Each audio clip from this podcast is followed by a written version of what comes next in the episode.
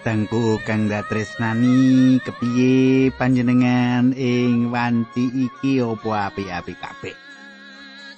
Panjenengan apa wis nyawisake ati panjenengan, wektu panjenengan kanggo bebarengan karo aku ing wanci iki?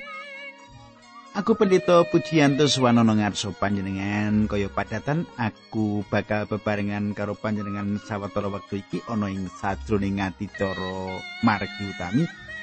Adicara kang wis dadi kelangenan panjenengan lan panjenengan peso adicara margi utami iki katujuake marang panjenengan sing seneng anggegilut pangandikane Gusti. Seneng sinau pangandikane Gusti lan seneng netrapake pangandikane Gusti ana ing gesang panjenengan. Awit saka iku becik menawa panjenengan nyawisake wektu, nyawisake pikiran, ati lan kitab suci tentune kanggo bebarengan sinau karo aku. Sugeng mirengetake ati cara iki.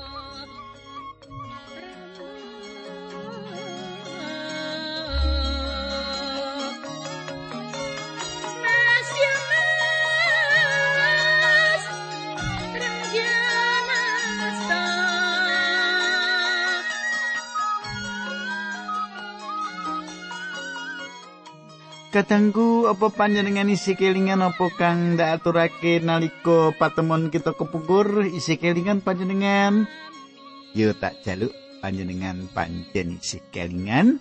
Apa kang ndak aturake nalika patemon kepungkur? Ing satruning patemon kang kepungkur kita wis nyemak kepiye rahab menehi keterangan marang kelik sandi Israel kegayutan karo kahanane bangsane Kekilingan panjenengan Sebanjuri kepiye kita semak saiki nanging sadurunge kuwi ayo kita ndedonga dhisik. Duh Kanjeng Rama ingkang dampar wonten kraton ing kasuwargan kawula ngaturaken gunging panuwun menawi wekdal menika kawula saged sesarengan tetunggilan kalian sedherek-sedherek kawula. Kawula matur nuwun dhateng Paduka Gusti awit nuntuni kawula wonten ing gesang menika. Lan kawula nyuwun supados wonten ing pepanggihan menika Gusti berkahi kawula linambaran asmanipun Gusti kawula Yesus Kristus kawula detunggal haleluya. Amin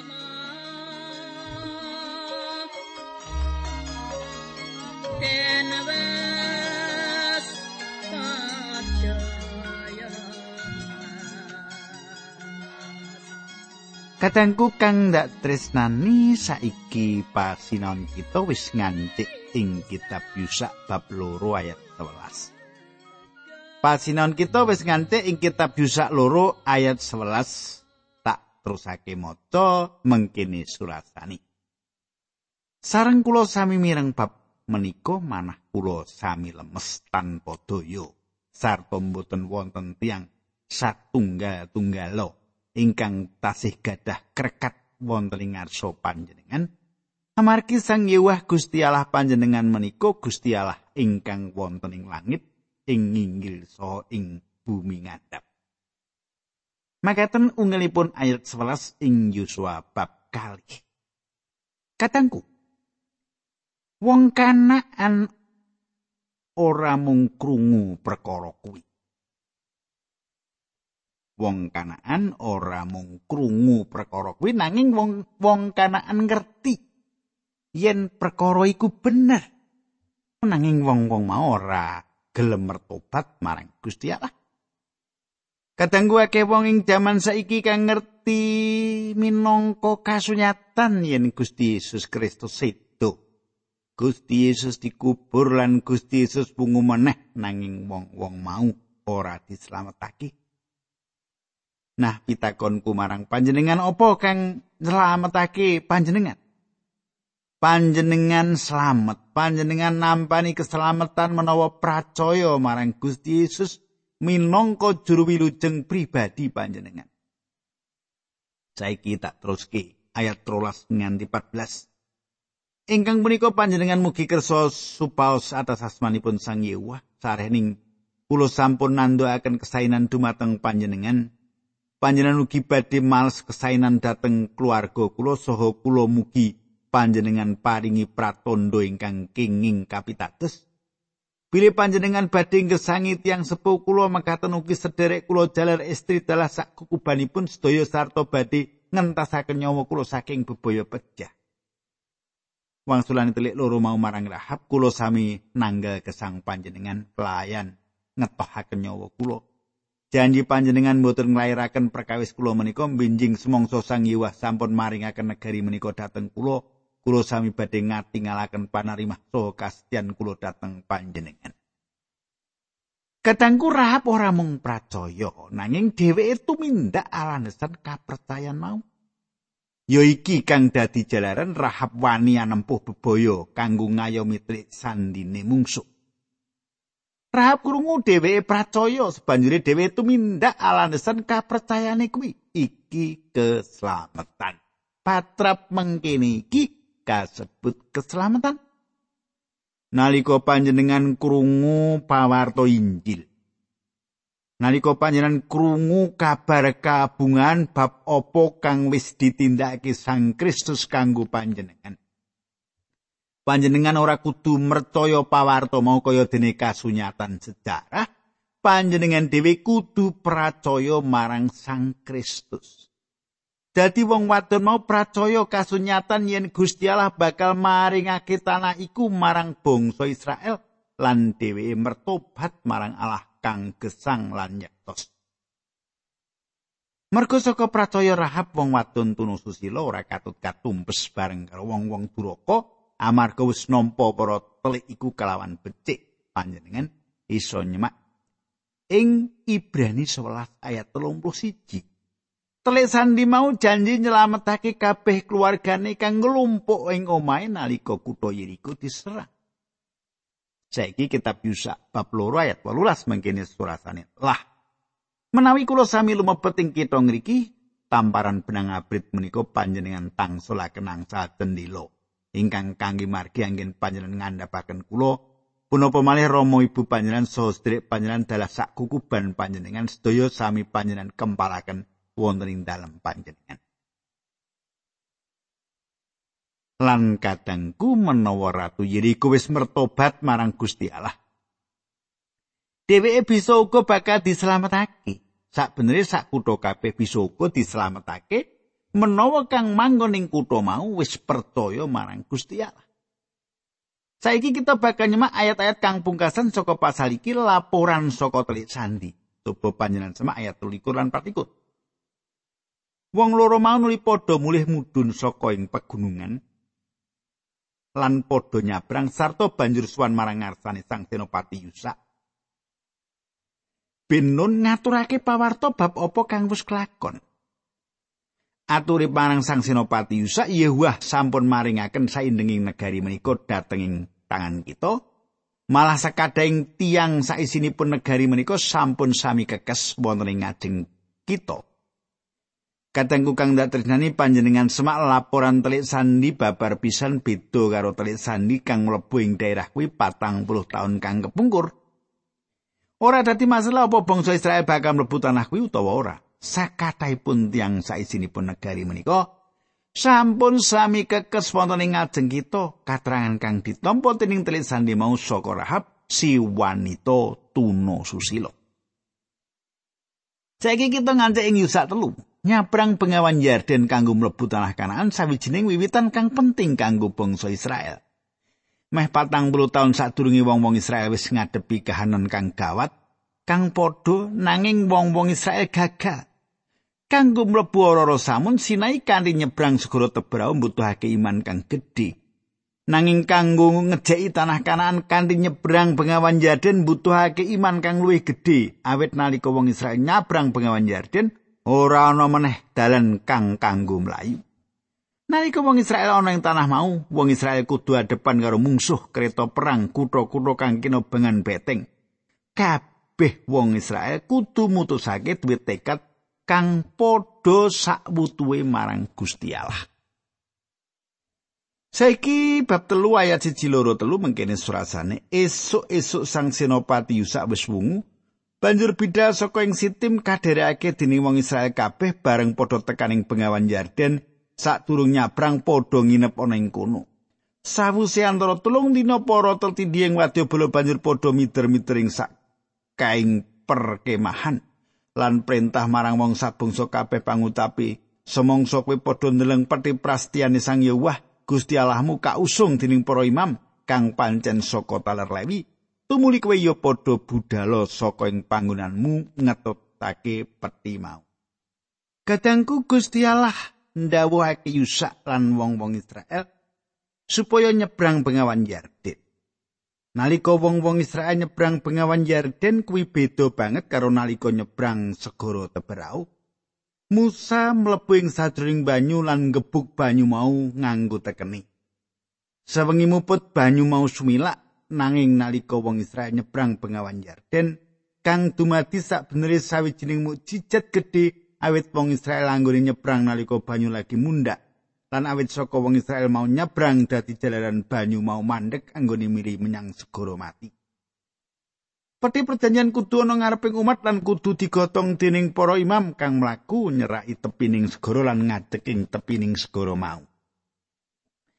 Bab telu ayat 15. Dumadaan bareng kang ngusung peti mau tutuk ing bengawan Yarden lan telapakaning para imam kang ngusung peti kacelup ing banyu ing pinggiring bengawan sakjroning mangsa panen bengawan Yarden iku lubering sauruting pinggiri. Kadangku nalika para imam tekan ing pinggiring bengawan Yarden, ilining banyu mau mandek kaya-kaya sawijining bendungan kang dipasang ana ing kono. Banyu kang mili mau dadi manggeng lan sebanjure ana tanah kang garing. Iki salah sawijining mukjizat kang paling gedhe kang ditulis ing sajroning kitab suci. Nalika iku mangsa semen. Nalika iku mangsa semi utawa semen. Daerah kuno duwe rong mangsa, mangsa rontok lan mangsa semen. Nalika mangsa semen ana udan akeh. Bengawan Yordan banjur mulak-mulak bisaka wong-wong kang ana ing sisih kulon Bengawan Yordan rumangsa mbutuhake wektu sawetara dina utawa bisaka sawetara minggu sadurunge bangsa Israel bisa nyabrang bengawan mau. Wong-wong mau bisa uga rumangsa yen ora ana bebaya langsung. Nanging sawetara ing antarané wong-wong mau wis nyabrang segara Teberau. Saiki tak wacake ayat 16 lan 17. Banyu kang mili saka ing dhuwur banjur mambek. Banyu kang mili saka ing dhuwur anggendukur dadi bendungan. Dawa banget nganti tekaning sak cedhake kutha Adam kang kapernah ana ing sisi sartan. Dene banyu kang mini menyang ing segara Araba yaiku segara asin iku pedhot babar pisan. Bangsa Israel tumuli padha nyabrang pernah ana ing ngarepe kutha Yeriko. Nanging para imam kang ngusung peti prastian ing Yewa iku padha mandek ana ing gasian ing tengahing bengawan Yarden. Dene wong Israel sebangsa kabeh padha nyabrang ana ing gasian nganti kabeh wis padha nyabrang ing bengawan kuno. Kadangku panjenengan gateke yen para imam jumangkah menyang pusering bengawan Yarden lan ngadeg ing kono karo nyekeli peti perjanjian nganti kabeh wong Israel wis nyabrang. Bangsa Israel nyabrang kali kuwi ana ing Yeriko nanging banyu kuwi isih mambek nganti ing kutha Adam. Apa makna saka kutha iki? Iki sawijining kutha saka ngendi kita duwe asal usul ing sajroning pangerten yen Adam yaiku bapak saka keluarga manungsa. Lan lumantar Adam pati kuwi teko. Apa kang dumati ing kayu dan gambarake pati lan wungune Sang Kristus lan pakaryane ing kayu salib. Gambaran iki ora mung gayuh mangarep luwih 1900 taun ing ngendi aku ana saiki. Nanging uga gayuh menyang mburi nganti Adam lan asal usule sak keluarga manungsa. Yaiku kegambaran kang bisa kita tampani ing kene. Kadangku peti perjanjian sawijining gambaran kang apik dhewe saka Gusti Yesus Kristus kang diparingake ing sadurunging perjanjian lawas. Senadyan ana sawetara kang cetha katon dhewe. Peti perjanjian ana ing pusat tendane wong Israel sak suwene petang puluh taun nalika wong-wong Israel ngumbara ing ora samun. Saben bengi nalika wong Israel mlebu ing kemah, kabeh rolas Israel kemah ngubengi peti perjanjian. Peti kuwi dipapanake ana ing tengah-tengahe nanging saiki kang kawitan pisan peti ku nggambarake Sang Kristus nyabrangi bengawan Yarden lan mlebu luwih dhisik. Dikaya kang wis dipratelake sadurunge Sang Kristus tindak luwih dhisik ing sadurunging pati. Mesti wae panjenengan tindak bebarengan karo kita ing sadurunge urip kita sawetara kita nglakoni urip ing sadurunging jagat iki. Panjenengan ana ing nunggal karo kita nanging panjenengane tindak ndisi kita ing sadurunging pati. Lan nalika Gusti kita mlebu ing palampati panjenengan mlebu ing pati demi panjenengan lan aku. Saiki kita ngancik yusak bab papat rolas wong kang dipilih njupuk watu las saka pengawan Yarden lan rolas watu meneh ditumpuk ing tengah pengawan Yarden minangka tugu. Para imam manggul peti perjanjian nyabrang pengawan lan banyu bali mili maneh kaya sedurunge Gusti Allah misuwurake jenenge Yusa. Saiki bab papat ayat siji teko telu mengkini surasani Bareng umat kabeh wis padha nyabrang ing bengawan Yarden, pangeran Yuwah tumuli ngendika marang Senopati Yusa mengkene. Sira mijya wong rolas saka bangsa iku saben talar wong siji ku padha perintah ana mengkene. Padha njupuk watu rolas siji saka ing kene, saka ing satengahe bengawan Yarden iki, saka ing panggonan mandeke telapakane para imam. Padha usungen menyang ing sabrangi bengawan nulis sarehno ana ing papan kang bakal kok inepi mengko bengi. ya iki kang ditindakake wong Israel lan ya iki kang dumati. Ayat 8. Wong Israel tumuli padha nglakoni sadawe sang senopati Yusa. Padha ngusung watu saka ing satengah bengawan Yarden kaya kang wis dadi dawuh pangeran Yewah marang sang senopati Yusa. Miturut cacahe talare wong Israel banjur padha diusungi menyang ing sakbrangi bengawan menyang ing papan panginepan lan diselehake ana ing kono.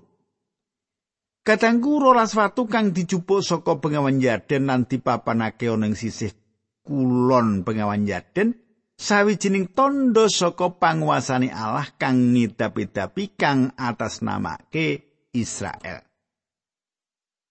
Ayat songo, apa meneh sang Senopati Yusa banjur ngedekake watu rolas ana ing setengah kali Yarden Ing tiras papan tumapake telapake para imam kang ngusung peti prastian, watu-watu mau isih tetep ana ing kono nganti tumeka saiki. Kadangku watu-watu iku ana ing kono nalika Yusak nulis iki. Perangan iki ngandut sawijining makna kang gedhe banget kanggo kita ing jaman kita saiki. Kadangku Rom 6 ayat 1 tekan papat yen mengkono apa to sing bakal kita gunem? Apa kita keparang padha ndelarung ing sajroning dosa supaya wuwa gedene sih rahmat. Babar pisan ora kita ora wis mati tumraping dosa kepriye nggon kita isih padha bisa urip sajroning dosa mau. Apa kowe padha ora semrup yen kita kang wis padha kabaptis ana ing Sang Kristus iku ateges wis padha kabaptis ana ing sedani? Dadi kita wis padha nderek kakubur kelawan panjenengane sarana baptis sing pati mau. supaya padha kaya dene Sang Kristus wis kawungake sapa ngantarane wong mati dening kamulyaning Sang Rama mengkono kita bakal urip ana ing sajroning urip kang anyar Kadangku apa kudu kita gawe dosa ing sajroning ati lan ndeleng sepira duwe kita bisa nggunakake sih rahmate Allah Tenan sawijining pikiran kang gegirisi kita kang wis mati atas dosa kepiye bisa tetep urip ana ing sajroning dosa luwih meneh Kapan kita bakal mati kanggo dosa kita? Apa panjenengan wis nyupekake yen kita kabeh kang dibaptis ing sajroning Gusti Yesus Kristus lumantar apa kang ditindakake iki kita ngrasakake ing sajroning sedane panjenengani? Kita wis mati lan dikubur bebarengan panjenengane ing baptisan kanthi mengkono padha Gusti Allah Sang Rama supaya kita uga kawenganan tangi marang urip ing sajroning tataran kang baban pisan anyar.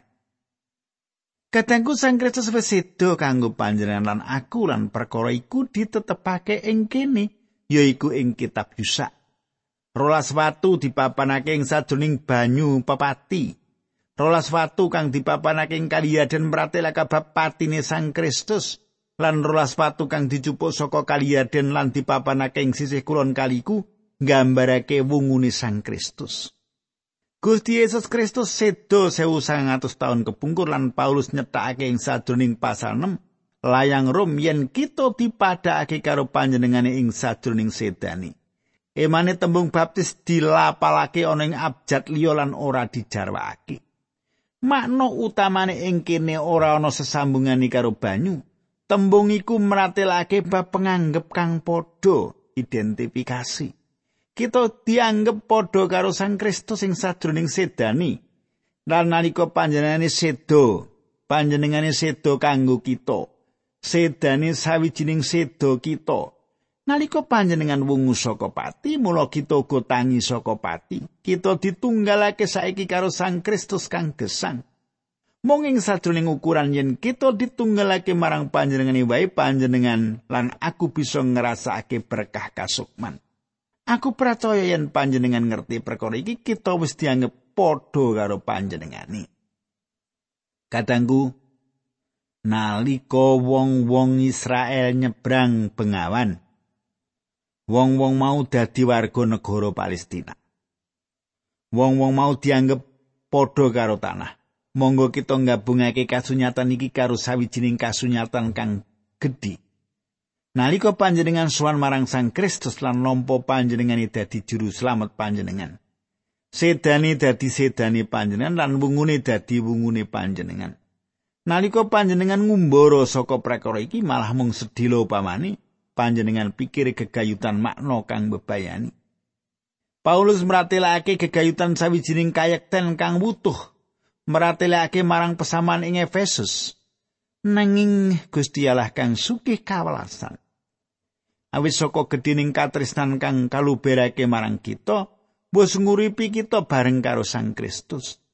Senajan to kita wis padha mati awit saka kaluputan-kaluputan kita, marga saka sih rahmat kowe padha kapitulungan rahayu lan ana Sang Kristus kita padha ditangekake lan uga diparingi papan bareng karo panjenengane ana ing swarga supaya ing jaman kang bakal kelakon panjenengane ngatingalake marang kita anggone sugih sih rahmat kang luber-luber cunduk karo kesainan marang kita ana ing Sang Kristus Yesus.